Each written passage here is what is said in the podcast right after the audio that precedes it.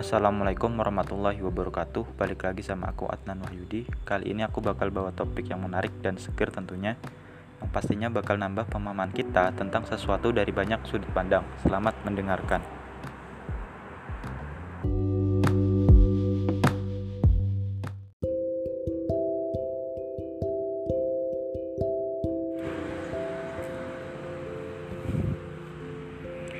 Berikut berita dari Kumparan Sains yang saya kutip dari komparan.com.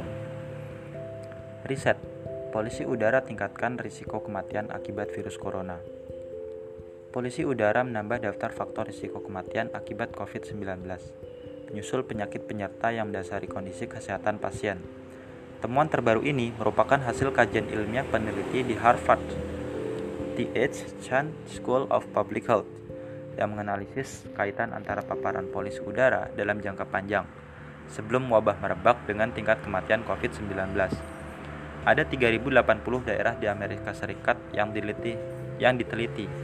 Hasilnya, daerah dengan konsentrasi partikel PM2,5 yang tinggi punya tingkat kematian akibat COVID-19 yang tinggi pula. PM2,5 atau particulate matter merupakan partikel halus di udara yang sangat mudah masuk ke saluran pernapasan dalam konsentrasi tinggi dapat mengganggu fungsi paru-paru. Sebenarnya temuan ini telah lama diduga para pejabat kesehatan AS selama berminggu-minggu terakhir. Analisis dari Harvard merupakan studi berskala nasional pertama yang menunjukkan hubungan statistik antara tingkat kematian akibat infeksi virus corona SARS-CoV-2 penyebab COVID-19 dengan paparan partikel PM2,5 dalam jangka panjang. Hasil dari makalah ini menunjukkan bahwa paparan jangka panjang terhadap polusi udara meningkatkan kerentanan mengalami efek COVID-19 yang paling parah, tulis para penulis dikutip oleh New York Times. Peneliti juga membuat pemodelan skenario untuk menekan angka kematian pasien COVID-19. Di Manhattan misalnya, disebut akan mencegah jatuhnya 248 korban jiwa jika rata-rata konsentrasi partikel PM2,5 bisa turun 1 mikrogram per meter kubik dibanding selama 20 tahun terakhir. Alasannya hanya butuh sedikit kenaikan konsentrasi PM 2,5 di udara dalam jangka panjang untuk memperparah pasien COVID-19. Ditambah faktor-faktor lain seperti kebiasaan merokok dan kepadatan penduduk di wilayah terdampak. Sebagai contoh, peneliti menemukan orang yang hidup selama beberapa dekade di suatu daerah dengan PM 2,5 konsentrasi tinggi 15% lebih mungkin meninggal akibat virus corona daripada orang lain di daerah berbeda dengan tingkat PM 2,5 1 mikrogram per kubik lebih rendah.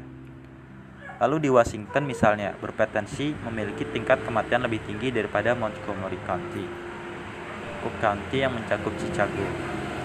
Sedangkan Lake County dan Fulton County yang mencakup Atlanta kemungkinan memiliki jumlah kematian lebih banyak dibanding Douglas County. Studi ini memberikan bukti bahwa negara-negara yang memiliki lebih banyak polusi udara akan mengalami risiko kematian yang lebih tinggi akibat COVID-19, kata Francesca Dominici, seorang profesor biostatistik di Harvard yang memimpin penelitian. Negara-negara dengan kualitas udara yang buruk disebut akan memiliki jumlah rawat inap yang lebih tinggi, jumlah kematian yang lebih tinggi, sehingga banyak sumber daya harus terkonsentrasi di negara tersebut. Hasil studi menggarisbawahi pentingnya melanjutkan untuk menegakkan peraturan polusi udara yang ada untuk melindungi kesehatan manusia baik selama dan setelah krisis COVID-19, tulis peneliti.